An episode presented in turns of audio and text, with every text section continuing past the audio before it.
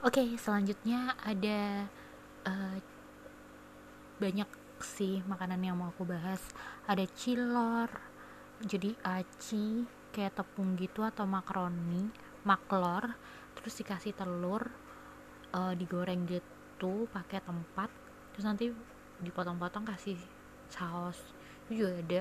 Terus ada bakso aci aduh enak banget bakso yang isinya aci tulang rangu kayak wah macam-macam isinya ada pilusnya kuahnya pedes itu juga enak.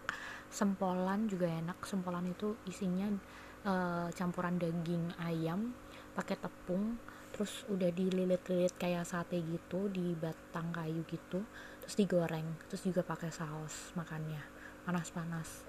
Itu juga enak banget dan masih banyak sih jajan-jajanan abang-abang pinggir jalan yang enak-enak